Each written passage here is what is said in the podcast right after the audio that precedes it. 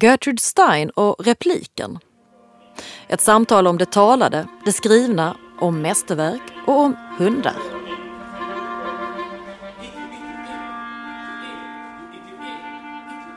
Jag talar och riktar mig mot den jag tänker vill höra om något som jag kan tala om. Jag talar och ser mig själv som den jag tänker kan berätta något som jag tänker att jag kan berätta utifrån den jag tänker att jag är.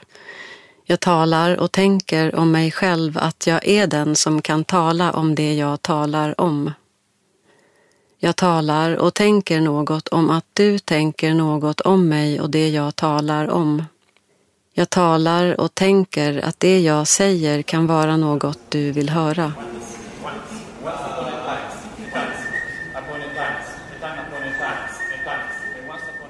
Så vill jag börja med att hälsa alla välkomna. Jenny Tunedal, Ida Börjel, Nils Olsson, Anna Sabak Redej, Ylva Gisslén.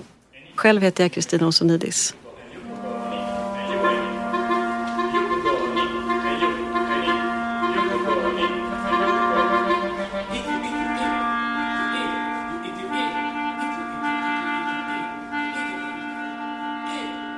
Anledningen till att vi har tagit det här initiativet är bland annat att jag tror att redan då för förra våren, vi träffades några stycken på, på Gertrude Stein-konferensen i Köpenhamn.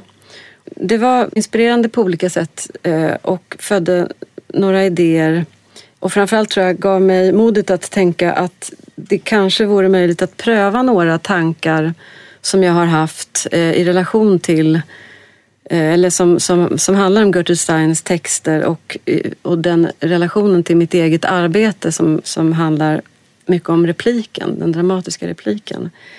Och där jag har använt delar av hennes skrivande i ett sammanhang där hon inte riktigt har någon plats helt enkelt.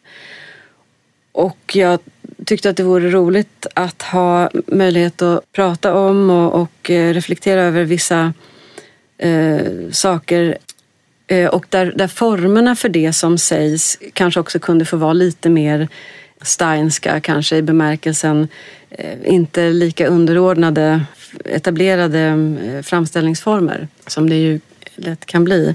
Utan helt och hållet liksom förknippade med eran eller vars och ens praktik.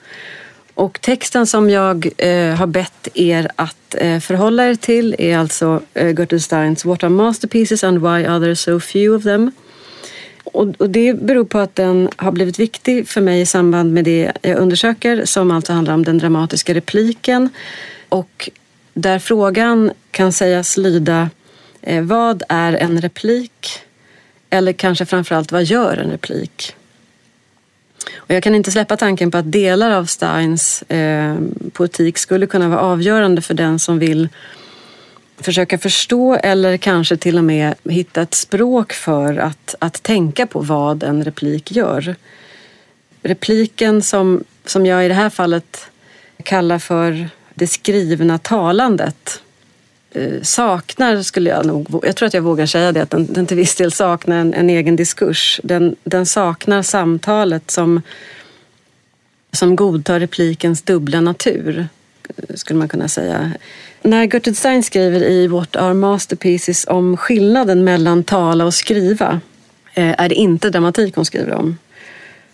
Och som jag förstår det när hon skriver om dramatik, bland annat i plays, så är det inte i första hand relationen mellan tala och skriva hon, hon tar fasta på. Eh, men, men jag tror att den distinktion hon gör mellan tala och skriva i, i den här texten i Water Masterpieces, kopplingen hon gör till identitet och minne eh, och, och alltså till tid. Jag tror att det, eller för mig i alla fall, är det ett väldigt precist och bärande ett redskap som jag också tänker kanske är onödigt talande eh, för att inte användas för den som vill, vill förstå vad, vad en replik gör och hur den är funtad, hur, hur en, en replik verkar. Liksom. Det jag försöker göra är att eh, upprätta ett samtal med Gertrude Stein i ett avseende som jag inte vet riktigt eh, om hon skulle, skulle uppskatta. Jag vet inte riktigt om hon skulle vilja ta, tala med mig, eller det gör hon ju. Men, Jag har ingen riktig respons på om det är någon annan än jag som överhuvudtaget upp, uppskattar den liksom, kopplingen eller den relationen. Men jag vill tro att vi kan läsa henne som ett av tänkbara svar när, när frågorna rör just, eller när det handlar om, om det, det skrivna talandet som repliken är. Så det är det försöket ni kommer in och med era läsningar, era, era blickar och reflektioner om Stein eh, som förstås är eh, en helt annan, eh, andra erfarenheter och annan, en annan kunskap än, än vad jag har. Och texten vi talar om är What are masterpieces and why are there so few of them? Skriven av Gertrude Stein 1935 tror jag. Eh, just det. Vi, och jag tänkte vi ska börja med att lyssna på en del av den här inspelningen. Eh, en, den svenska översättningen av, av texten gjord av Jörgen Antonsson och inläst av skådespelaren Petra Fransson. Jag tänkte nästan tala den här föreläsningen och inte skriva ner den och läsa upp den. För alla föreläsningar som jag har skrivit ner och läst upp i Amerika har blivit tryckta. Och även om man kanske skulle kunna läsa upp dem för er som om de inte hade varit tryckta så är det ändå något med det som har skrivits, som har tryckts, som gör att det inte längre tillhör den som skrev det och därför har inte författaren mera orsak att läsa upp den än någon annan. Och därför gör man inte det. Därför tänkte jag tala till er. Men i själva verket går det inte att tala om mästerverk och vad de är, för tal har i grund och botten inget med skapande att göra. Jag talar mycket, jag tycker om att tala och jag talar mer än så. Jag skulle kunna säga att jag talar nästan jämt och jag lyssnar en hel del också. Och som jag har sagt, det som gör genier till genier är att de kan tala och lyssna. Lyssna medan de talar och talar medan de lyssnar. Men, och detta är mycket viktigt, verkligen mycket viktigt, att tala har inget med skapande att göra. Vad är mästerverk? Och varför finns det trots allt så få? Ni säger kanske att det ju trots allt finns ganska många. Men i något slags proportion till allt som alla som gör något gör finns det faktiskt mycket få. Hela sommaren funderade jag på och skrev om detta ämne. Och det blev till sist en diskussion om förhållandet mellan människans natur och det mänskliga sinnet och identitet. Vad man kommer underfund med så småningom är att man inte har identitet, det vill säga när man håller på och gör någonting. Identitet är igenkännande. Du vet vem du är därför att du själv och andra kommer ihåg något om dig, men i grund och botten är du inte detta när du gör någonting. Jag är jag därför att min lilla hund känner igen mig. Men ur skapande synpunkt är det detta att den lilla hunden vet att du är du och att du vet att han vet det som omöjliggör skapande. Det är det som är skolbildningar. Picasso sa en gång, jag struntar i vem som har påverkat eller påverkar mig, bara det inte är jag själv. Det är mycket svårt så svårt att det alltid har varit svårt, men ännu svårare idag att veta i vilket förhållande människans natur står till det mänskliga sinnet. För då måste man veta hur skapelseakten förhåller sig till det motiv den som skapar använder för att skapa något. Det pratas en massa strunt om motivet för det ena eller det andra. Det är ju ändå alltid samma motiv. Det är de saker man ser, och det finns människor och djur, alla sedan tidernas begynnelse skulle man kunna säga, vet i stort sett ända från början och fram till idag allt om detta. Trots allt vet ju vilken kvinna i vilken by som helst, eller män om ni hellre vill det, eller till och med barn, lika mycket om människans psykologi som någon författare som någonsin har levat. Det finns trots allt sådant som man vet var och en på sitt sätt, som alla vet. Och det är inte denna kunskap som gör mästerverk till mästerverk. Inte alls. Inte alls, nej. De som känner igen mästerverk säger att det är det det beror på, men det är det inte. Det är inte det sätt på vilket Hamlet reagerar inför sin faders vålnad som gör det till ett mästerverk. Han skulle ha kunnat reagera enligt Shakespeare på ett dussintal andra sätt och alla skulle ha blivit lika imponerade av hur psykologiskt det är. Men det är inte psykologiskt. Det är troligtvis inte det sätt som en ung man skulle reagera på inför sin faders vålnad och det finns inte heller någon särskild orsak till att de skulle reagera så.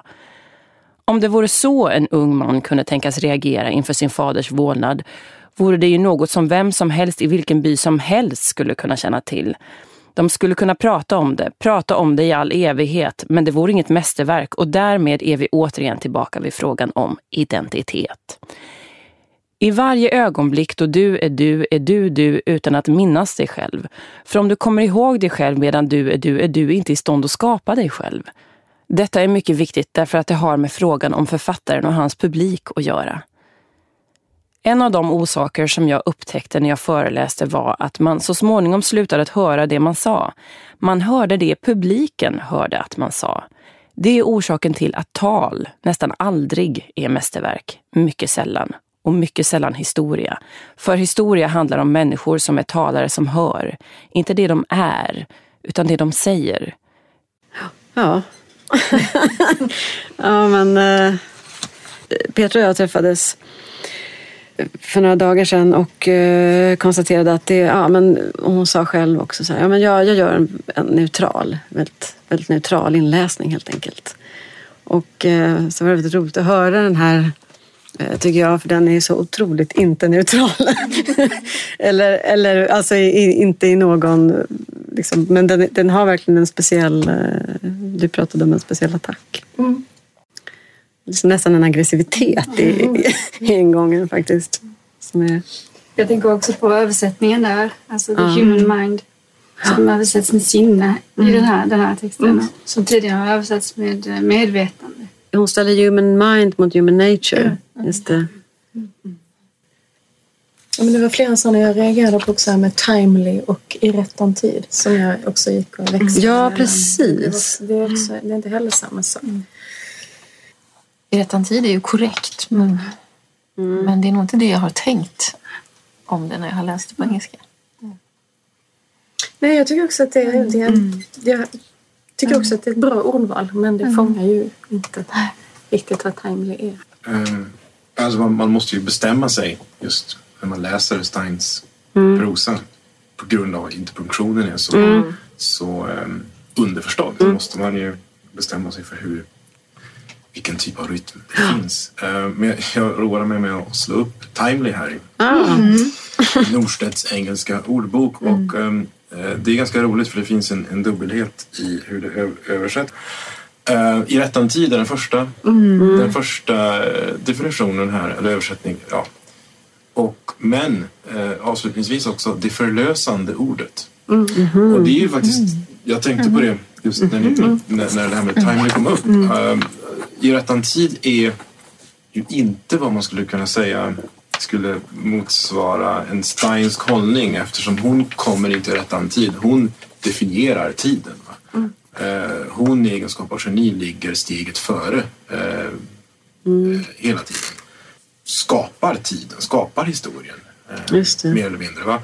Så i den bemärkelsen så är ju hennes ord förlösande. Mm. om än inte i något, på något slags försonande sätt utan tvärtom på något våldsamt eller nästan dramatiskt sätt. Mm. Det finns inget bekräftande i sättet att använda språk.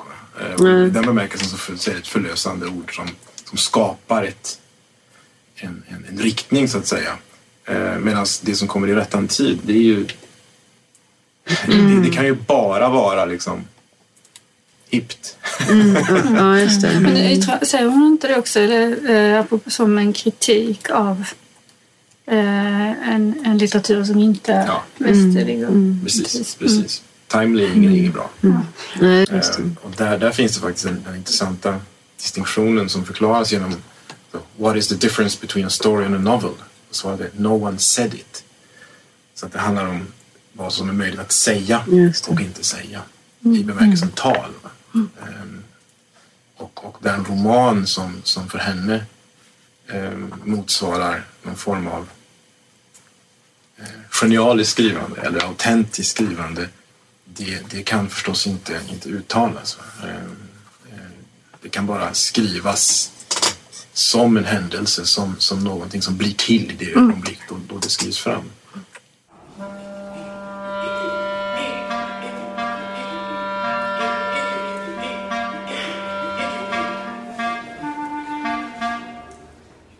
Den ligger där på marken, hunden Argos, när husse Odysseus efter 19 år återvänder inkognito till Ithaka.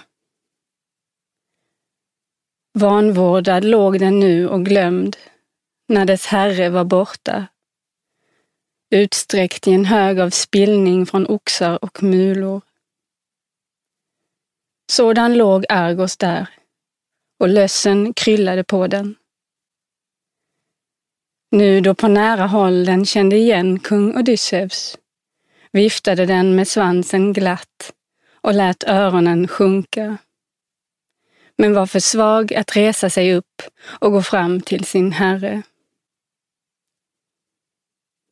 Ungefär 2500 år senare skriver Gertrude Stein från sin exil i Paris. Jag är jag för att min lilla hund känner igen mig. Hon fortsätter. Personen och hunden finns där. Och hunden finns där och personen finns där. Och var och var finns deras identitet? Finns identiteten där någonstans? Gertrude Stein det som man gradvis kommer på är att man inte har någon identitet. Det vill säga när man är i färd med att göra någonting. Hon säger görandet, att göra, att vara upptagen. Hon säger så här i början av texten. One has no identity. That is when one is in the act of doing anything då, då finns inte identiteten liksom, eller, eller minnet. Det är inte säkert att jag får ihop det här men jag, jag undrar, det är, en, det är en fråga. För att görandet, är liksom, görandet kräver icke-identitet eller in, icke, inte minne eller så. Så, så tänker jag att, ehm, därför att sen lite senare när hon skriver om det här med human mind, om vi då översätter det till medvetande eller sinne men i relation till human nature och human mind.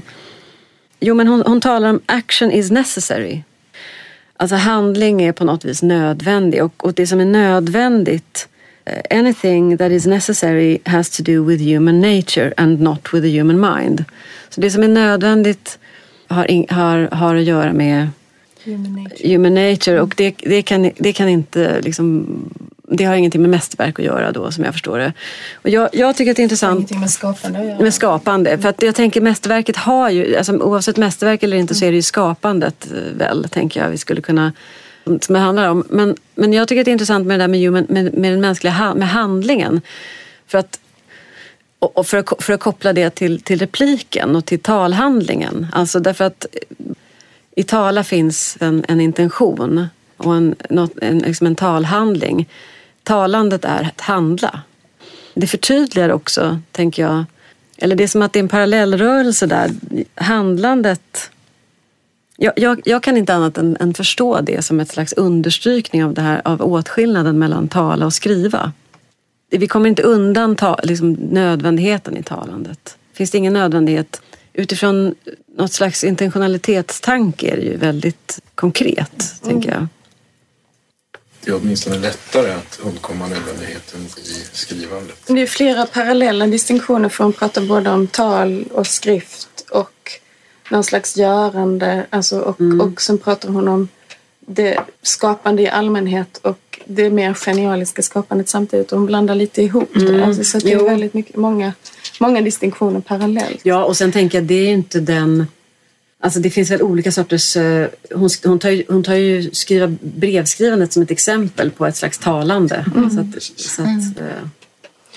Jag tror att för henne så eh, talandet, det som hon gör att det inte kan bli ett mästerverk, det hon säger där är att det inbegriper den andra. Och det gör aldrig mästerverket. För det är unikt. Och det där gör hon någon typ av mm. distinktion. Och brevskrivandet faller mellan stolarna. För där säger hon också att det kan aldrig heller bli ett mästerverk för att i brevet finns den andra inskriven. Där gör hon någon distinktion och därför är talandet eh, mycket sällan. Och på samma sätt som hon beskriver det själv när hon föreläser att till slut så Ja. hör hon bara den andra. sätt. Och det är det som gör den, så att säga, det som är skillnaden mot mästerverket. Som är unikt. Och enligt hennes sätt att se det. Då. Det är där hon drar en gräns, verkar det som i alla fall. Kanske också någonting med talet som alltid är ett svar i någon mån. Just det. Och att hon är ute efter... och Jag tänker att ett svar kan ofta äga en nödvändighet men att hon söker ett skrivande som... Som placerar Som- sig utanför den typen Precis. Mm, av ständigt pågående. Precis. Talandet är ju dialogiskt. Mm. Och därför kommer den andra in. I, man, i man, kan sätta det i relation till Wittgenstein-citatet där att, att en dikt, även om den är skriven i meddelandets språk så behöver du inte ta del av meddelandets språkspel. Alltså den kommunikativa akten. Då Ja. man fråga sig vilka gränser, eller är det att ingå alltid i en kompromiss så fort det ska finnas en motpart eller medpart. Mm, Precis, precis. Alltså, Ja. man, kommer ju aldrig undan att det trots allt är språk man, det, det är fråga om. Men yttrandet måste ske som om det inte kommunicerade. Eller Som om det inte var... mm, Det, det, det är någonting som sätts parentes kring. Så att säga. Så, Och den här klassiska diskussionen mellan dikten i skrivbordslådan och dikten då som han skriver för att publicera. Är det inte då i den vevan hon skriver den här för övrigt det här för- föredraget? För jag tänker det, det, åt- det dyker ju upp också i, det är väl ungefär samtidigt hon skriver um, allas självbiografi. Någonstans i den vevan. För där, där tar, hon, hon nämner ju det där också, eller där förs ju diskussionen om, om vem hon nu är. när, hon, när folk faktiskt vill, fast då handlar det också om pengar och att, att folk eh, vill köpa det hon skriver och vem, vem, vem det gör henne till och så. Och så. Jag tänker också på det, apropå det du sa Jenny, att, eh, att, att fort man yttrar sig eller går in i ett talande så handlar det direkt om tvånget att stå till svars. Just det. Att man i någon mån alltid hamnar i, i, i en, en förhörssituation. För mig är det det hon framförallt säger nej till när hon säger nej till talet. Att Det är just något som har med, med det förhöret, svaret, relationen att göra. Att det måste finnas ett skrivande bortom det. Och jag tänker att i skrivhandlingen, det är ju den hon talar om. Det är den hon...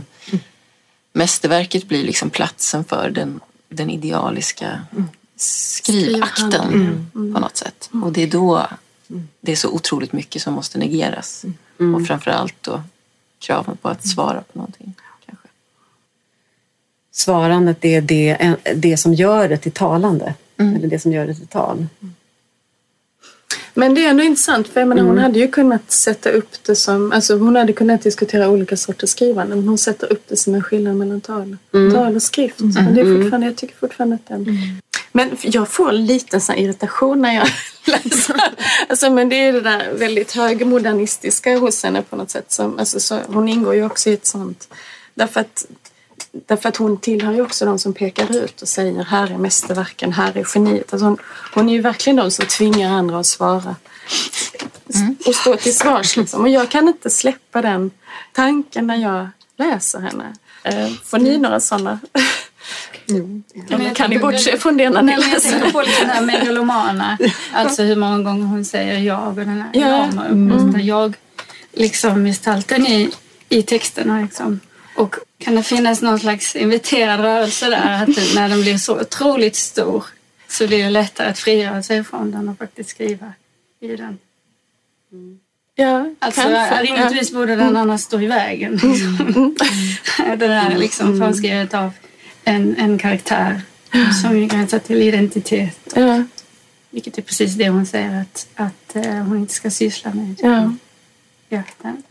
Men det, det går ju så långt att det blir nollpunkt eller en slags nivellering av subjektet på samma gång som det också det finns en väldigt paradoxal paradoxalt subjekt hos Stein. Som, som, alltså radikaliteten i det megalomana som, som du säger är ju, är ju total. Alltså, kollar man på vad hon skriver i, i till exempel Composition as Explanation där är det ju så att alltså, apropå, apropå att, att inte svara på någonting. Va? Den litteratur som förtjänar namnet, eller den konst som förtjänar namnet svarar inte på någonting utan i själva verket så är historien ett svar på de, den radikala konsten. Och det är förstås orimligt kan man tycka men, men hon återkommer till detta och det är en nödvändig position att skriva från tror jag. Hon kan ju få närmast så komiska, alltså i, i mindre teoretiska eh, texter och, och termer som när, när hon och Picasso sitter på våra uteserveringar och ser de kamouflagefordonen åka förbi i stan. Liksom. Hon, och hon ser liksom, ah, Picasso har liksom betytt någonting. För mm. kubismen har nått. alltså.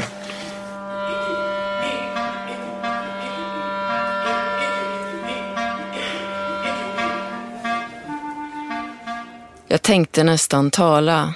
Jag var nästan i färd med att tala och inte skriva som en kvinna som glömt bort att hon är kvinna. Men bara nästan. Det är motviljan mot det återgivna som återgivet som får henne att återge skrift som tal istället för sitt medvetande och sitt kött. Skriften står framför kroppen och ersätter. Det är motståndet mot det materiella och det immateriella. Det är motviljan mot det anonyma, felciterade, stulna, försvunna, förtappade, utspädda, sammanblandade, utandade. Det är motsatsen till det svettiga, fuktiga, darrande, stammande, harklande, irrande, förvirrade, halvkvädna, oskarpa, omedelbara, oåterkalleliga. Det påkomna, skyddslösa, ögonblickliga. Det som är dödsskräck och närvaro. Ensamhet och dess motsats. Att sitta fast i sig själv som i sörja. Eller familjealbum, historien, berättelsen, anekdoten, nyheten. Början och slutet på de levandes och dödas liv. Jag sa en gång att inget bekymrar mig mer än sättet på vilket det sagda dör när det är sagt, skrev hon för att inte säga sa hon. Det som sägs tillhör någon, i motsats till alla och en var. Det som sagts tillhör ingen, liksom det som tryckts. Jag var nästan på väg att säga något om ett mästerverk. I det gröna gräset i Oxbridge får man lära sig skillnader. En kvinna, kalla mig Mary Beaton, Seaton, Carmichael, Stein, Duras, Wolf, går och tänker utanför de krattade grusgångarna i boken när hon hejdas och korrigeras av den man som vaktar området utan att hon sagt ett ord. Det är en kropp som kommer gående.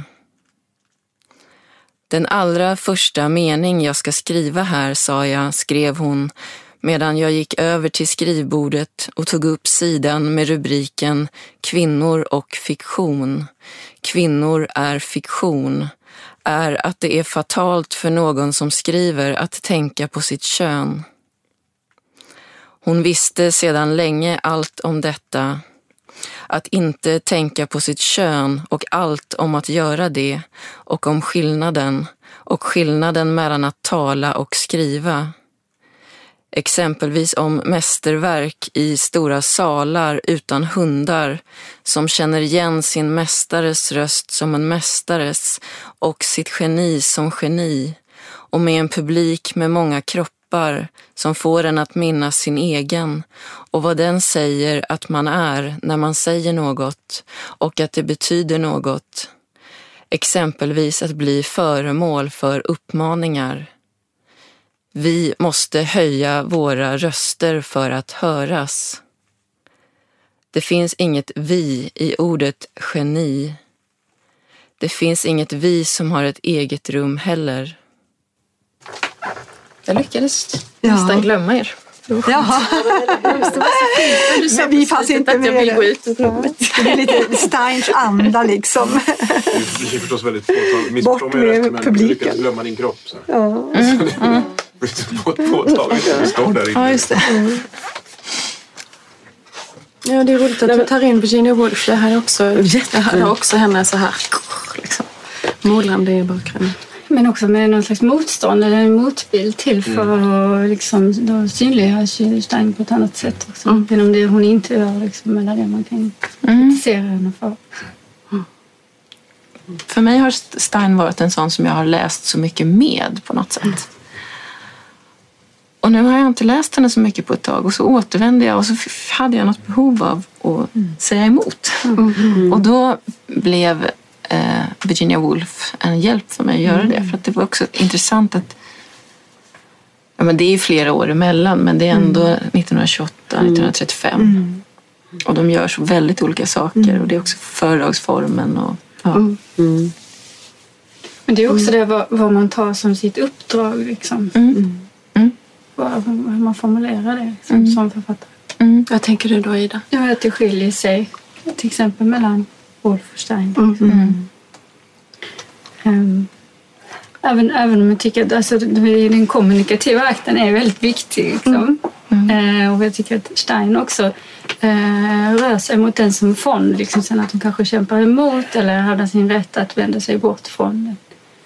Men, eh, men det här Wolf har en helt annan eh, ingång. Liksom.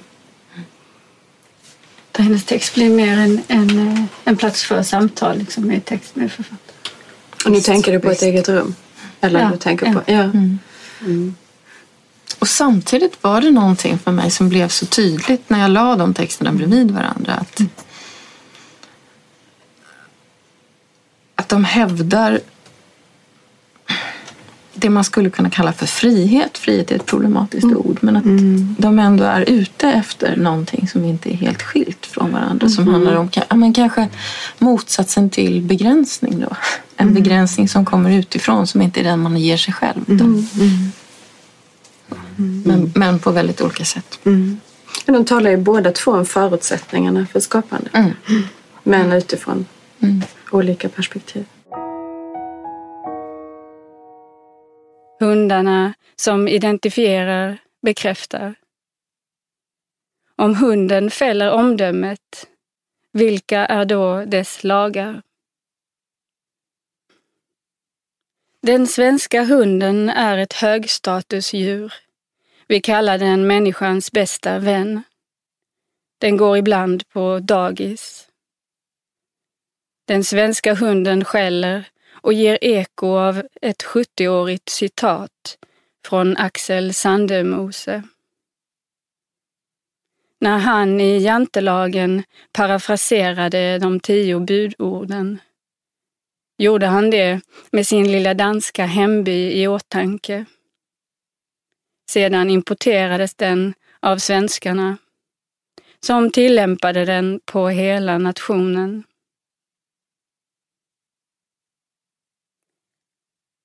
Hundarna skäller. Du ska inte tro att du är något.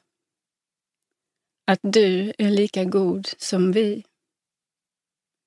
Att du är klokare än vi. Du ska inte inbilla dig att du är bättre än vi.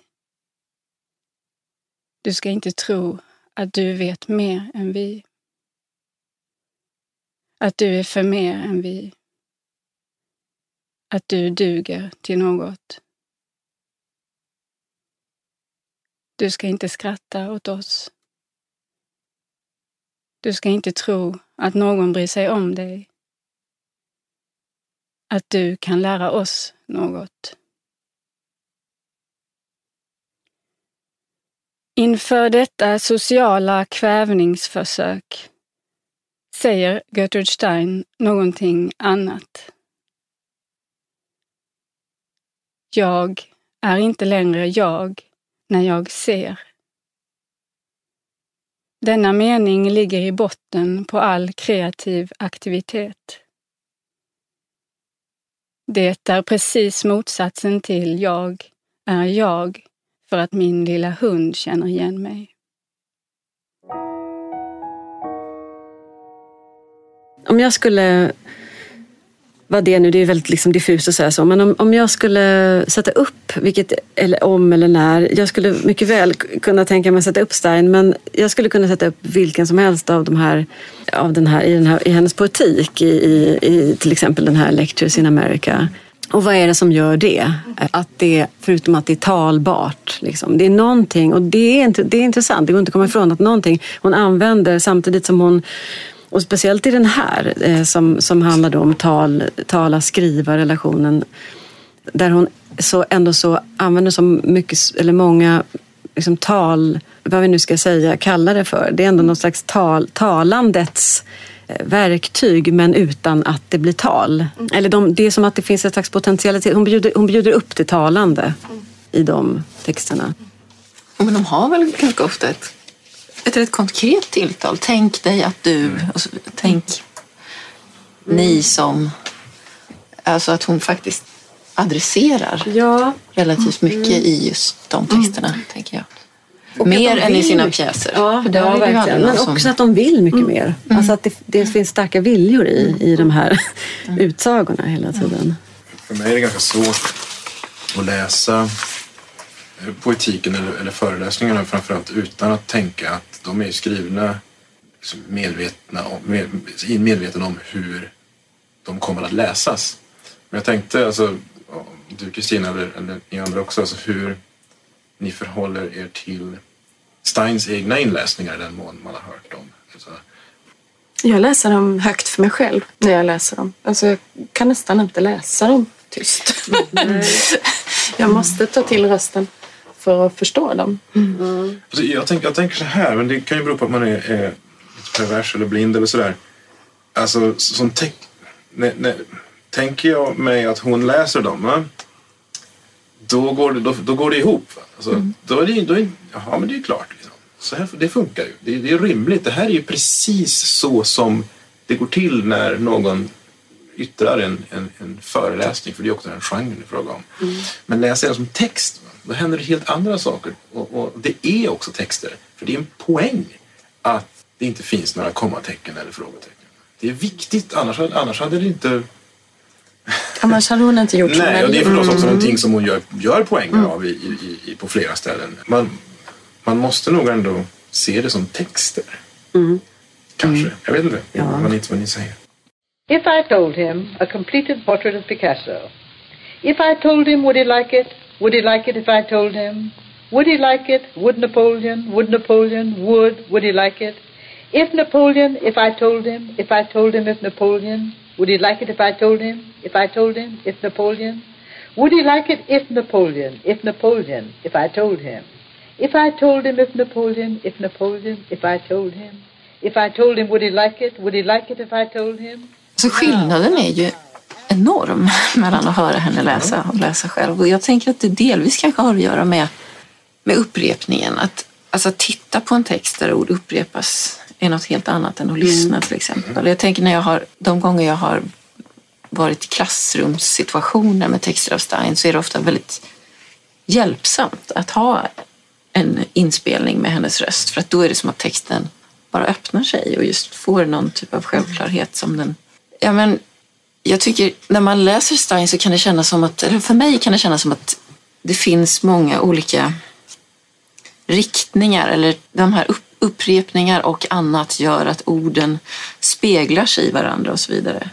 Och när man lyssnar på henne då finns det en sorts enorm framåtriktning mm. som, som har med tal att göra, mm. som, som blir så tydlig. Så det, ja, men det är verkligen, jag håller med om att det är två helt olika mm. saker på något mm. sätt. Mm. Det, det är samma text kanske men, men det är väldigt stor skillnad. Men skulle man kunna säga, och nu tänker jag också just på de här, till exempel de här föredragen, eh, att de är, eller att det här är en text som till viss del gestaltar vad talandet gör. Det är det det, det är inte en, alltså hon förhåller sig till genren på det sättet. Att det, att det är en yttrande, alltså, det är en specifik form av situation för, för att yttra den. Vare sig den yttras eller inte. Liksom. Men det gör de ju. Hon skriver ju massa sådana här på löpande band under mm. tiden hon är i Amerika. Alltså våra mästerverk skrivs ju under pågående turné. Skulle mm. jag tro om man mm. kollar på mm. datum och sådana mm. saker. Hon är mitt i talandet när hon ja. gör dem. Mm. Men jag håller inte med.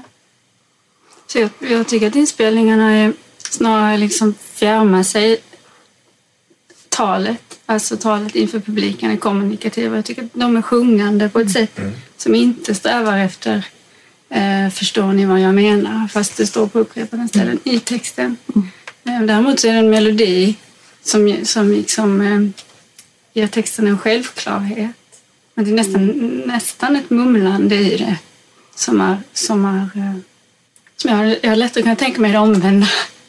Att när hon talade skulle det kunna bli mer så när man läser texten och det sättet som hon, hon gör inläsningarna liknar mer min föreställning om vad det skulle If I told him, would he like it? Would he like it if I told him? Would he like it? Would Napoleon? Would Napoleon? Would? Would he like it? If Napoleon, if I told him, if I told him, if Napoleon, would he like it if I told him? If I told him, if Napoleon? Would he like it if Napoleon, if Napoleon, if I told him? If I told him, if Napoleon, Visst, if inte gå så långt som att, att läsningarna gör hennes texter rimliga. Men du menar om du, man hör situationen eller inte? Jag, nej, precis, jag upplever att de är som stängda på inspelningarna därför att det är melodin Ja. som är där. Så att hennes förhållande till texten är utan frågetecken och utan, eh, ut, helt problemfri. Men eh, själva texten i sig Argumentera bort argumenterar med, eller är lättare att gå in i, i, i, liksom, i dialog med eller i lyssnande med och eh, ett eh, analyserande med. Nu tänker jag på en parallell eh, fråga här. Som, därför att jag, ibland när jag så säger författare som inte skriver dramatik, eller jag hör ibland så här eh, folk säger äh, vad svårt, eller vad, vad svårt, jag kan inte tänka på publiken. Jag skulle inte kunna skriva dramatik för jag kan inte tänka på publiken när jag skriver. Och eh, jag blir lika förvånad varje gång för varför skulle jag tänka på publiken när jag skriver? Alltså, ja, så uppstår det något samtal kring det där. Och det, nu, jag kommer att tänka på det nu i den här frågan om vad som är riktningen i hennes och huruvida det blir talande eller inte och så vidare beroende på om det är föredrag eller inte. För att, och så, jag, börjar, jag börjar kommer att tänka på att hur, hur mycket liksom, hur mycket hur mycket det måste påverka eller att det ska finnas, det finns ju alltid något slags publik tänker jag och jag uppfattar det som att det också blev, ja, som att det till viss del blev ett problem för henne när, när hon plötsligt vis, visste att hon hade publik. Liksom, till skillnad från när hon inte visste det. Men, och hur, hur, hur att det där, att det på ett sätt så är det som Vad betyder det? Att tänka vad betyder det att tänka att det ska talas? Alltså för att, att jag tänker att någonting ska talas. Även om, om det så är, inte kanske i en, eh, i en dialog, eh, för då, då finns det en, eh, en mottagare på scenen. Liksom. Men även om det är en monolog, att jag tänker att det ska talas, om det också ska talas rakt ut, så är ju det ändå inte Eh, ett tilltal till en publik. Alltså det är egentligen inte det jag tänk, det, det är inte det som gör, gör det till dramatik. Tänker jag. Det är inte det som är situationen, att, att jag talar till någon. Utan det är något annat. Det, det, att det ska talas däremot.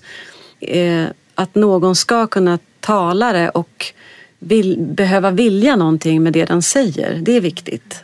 För jag, det måste ha något slags intention när det ska talas. Jag bara undrar om det är, är um, om det är så i hennes föredrag. Finns det, finns det eller är är finns publiken med där? Eller, ska, eller, eller alltså, gör Ja, eller, eller i ditt exempel, då, skulle, är det någon skillnad då mellan att skriva en inre monolog och en yttre?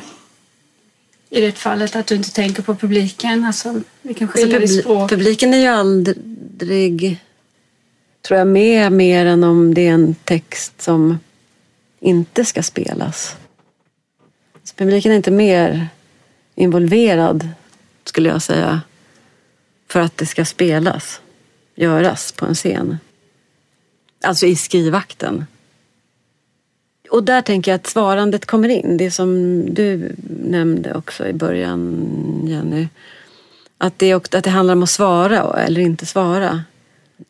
Jag läser till viss del den här texten som ett sätt att inte svara. En strategi för att inte svara. Det är klart att det finns väl en dubbelhet där också. Um, hon, jag vet inte om det var utsålda hus, men som sagt, hon tillbringar ju några år på, på turné och folk kommer och hon, mm. hon är en stjärna och det ena och det tredje. Hon producerar nya föreläsningar som, som förlänger turnén och så vidare. Um, men å andra sidan så tror jag väl att alltså hon förhåller sig ju till genren. Alltså formen och idén om vad en föreläsning är. På samma sätt som hon, hon förhåller sig till romaner i andra fall eller, eller mm. detektivberättelsen eh, eller dramatik. Alltså det är inte, hon tar det ju verkligen inte för givet eh, på något sätt. Så i den bemärkelsen så, så finns publiken inte där. Eh, i, i, den bemärkelsen. Det, det är ju inte, återigen, det, det kanske blir mer så successivt men det är ju på många sätt ofta katastrofala föreläsningar mm. ur, någon form av alltså, någon slags gängse idé om vad mm. föreläsningar Den första föreläsningen är väl just som hon skriver, är väl, det är tio år tidigare nästan, men, men Composition as Explanation.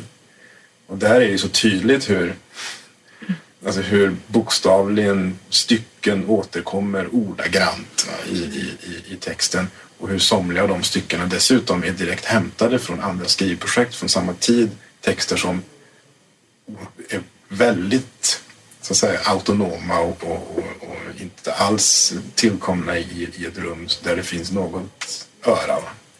Så... Här tycker jag här växer frågan att dialog eh, var ju till förfång för mästerverken. Men frågan är om man då ska tänka sig att hon menar att monologen i motsats skulle vara någon, någon mall för ett mästerverk då. Det, det, det här frågan som jag väcktes här när du eh, Monologen förutsätter ju identitet och en självmedvetenhet på ett sätt som, som motsäger um, Gör du mästerverket. Det? Eller förutsätter, spånar ju som... det här var en fråga som skulle... det är svårt, jag menar, hon är svår att komma åt på det sättet. Men hon, jag tycker hon, hon adresserar ju äh, inte bara genren utan faktiskt också erfarenheten av att tala. Den, den finns här. Mm. Ja, ja. Alltså, ja. Den är explicit på något sätt. Att, att en del av det handlar om vad, som händer, vad hon själv har upplevt händer när hon talar. Även om man sen nu kan se det som en litterär trop också. Men, men... Hon, men, och samtidigt också hennes då, de omskrivna fastrarna där i, under barndomen. Ja, just det. Som otal, bilden av otaliga fastrar som pratar i munnen på varandra och som hela tiden upprepar eh, det de säger gång på gång på gång. Det kanske inte för att man måste säga jag, jag, jag. Jag jag, man kan lära någon fasterkvitte också mm. i, i inläsningar av henne. Mm. Alltså någon, um, som, som Fasterkvitte lite grann det som du sa, att man så länge har läst med Stein, för det har varit nödvändigt. Och helt plötsligt så kan man...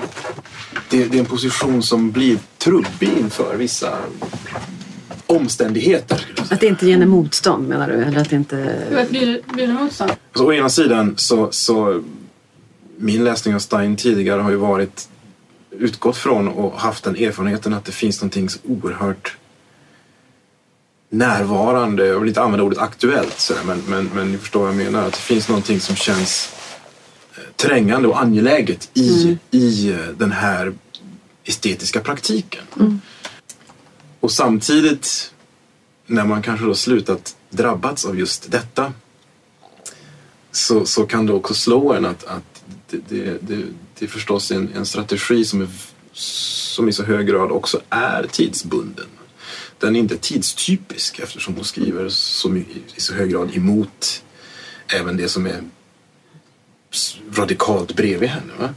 Men, men det, det, det, ibland är det svårt att tänka henne vidare från, från den situation hon, hon, hon skriver i, i och ur. Vem skrev? Vem talade? Handstilen i anteckningarna är ibland hennes, ibland Alice. Är någon av dem de vi tror att de var för att deras sätt att forma bokstäverna på papper med en penna skiljer sig sinsemellan och från andras? Jag vet inte. Stein hävdade att hennes hund visste. Deras hundar visste. Gertrude hävdade själv att rytmen i hennes pudels vattendrickande lärde henne höra att stycken har känsla meningar inte. skilja mellan. Mellan Homeros och Gertrude Stein. Vad gjorde Homeros som gjorde det svårare efter honom? Han som kanske inte ens existerade som kropp 130 generationer före oss, kanske konstruerat som igenkännlig röst av andra berättare sedan. Han skrev ner, eller skrevs ner bör kanske sägas eftersom skrivandet så länge var och ibland fortfarande är slavgöra. Det som tidigare och länge, länge, länge än och fortfarande på nästan alla språk som talas, och det är de allra flesta, enbart sjungits eller talats. Nej, och jag tror inte det fanns eller finns mästerverk under de omständigheterna. Helt enkelt eftersom muntliga berättelser inte har någon existens annat än i de levande människornas minnen och handlingar. Behöver sörjas för av röster, omsorgas om av kroppar. Allt det som Stein säger, för det säger vi både om det som talas och det som skrivs, inte har med mästerverk riktigt att göra. Och ändå. I Australiens norra territorier gav en gudinna under drömtiden vart och ett av sina barn ett språk att leka med. I den muntliga lyriken är piken dramat finns inga original. Varje komposition sätts samman i det ögonblick den framförs. Sånger och berättelser i muntligheten bestäms av sammanhanget, av de som lyssnar. Och viktigt är att alla vet att, och vad som inte sägs, har sagts och kunde sägas. I rättan tid har där precis allt med saken att göra, liksom vem som säger, vem som lyssnar.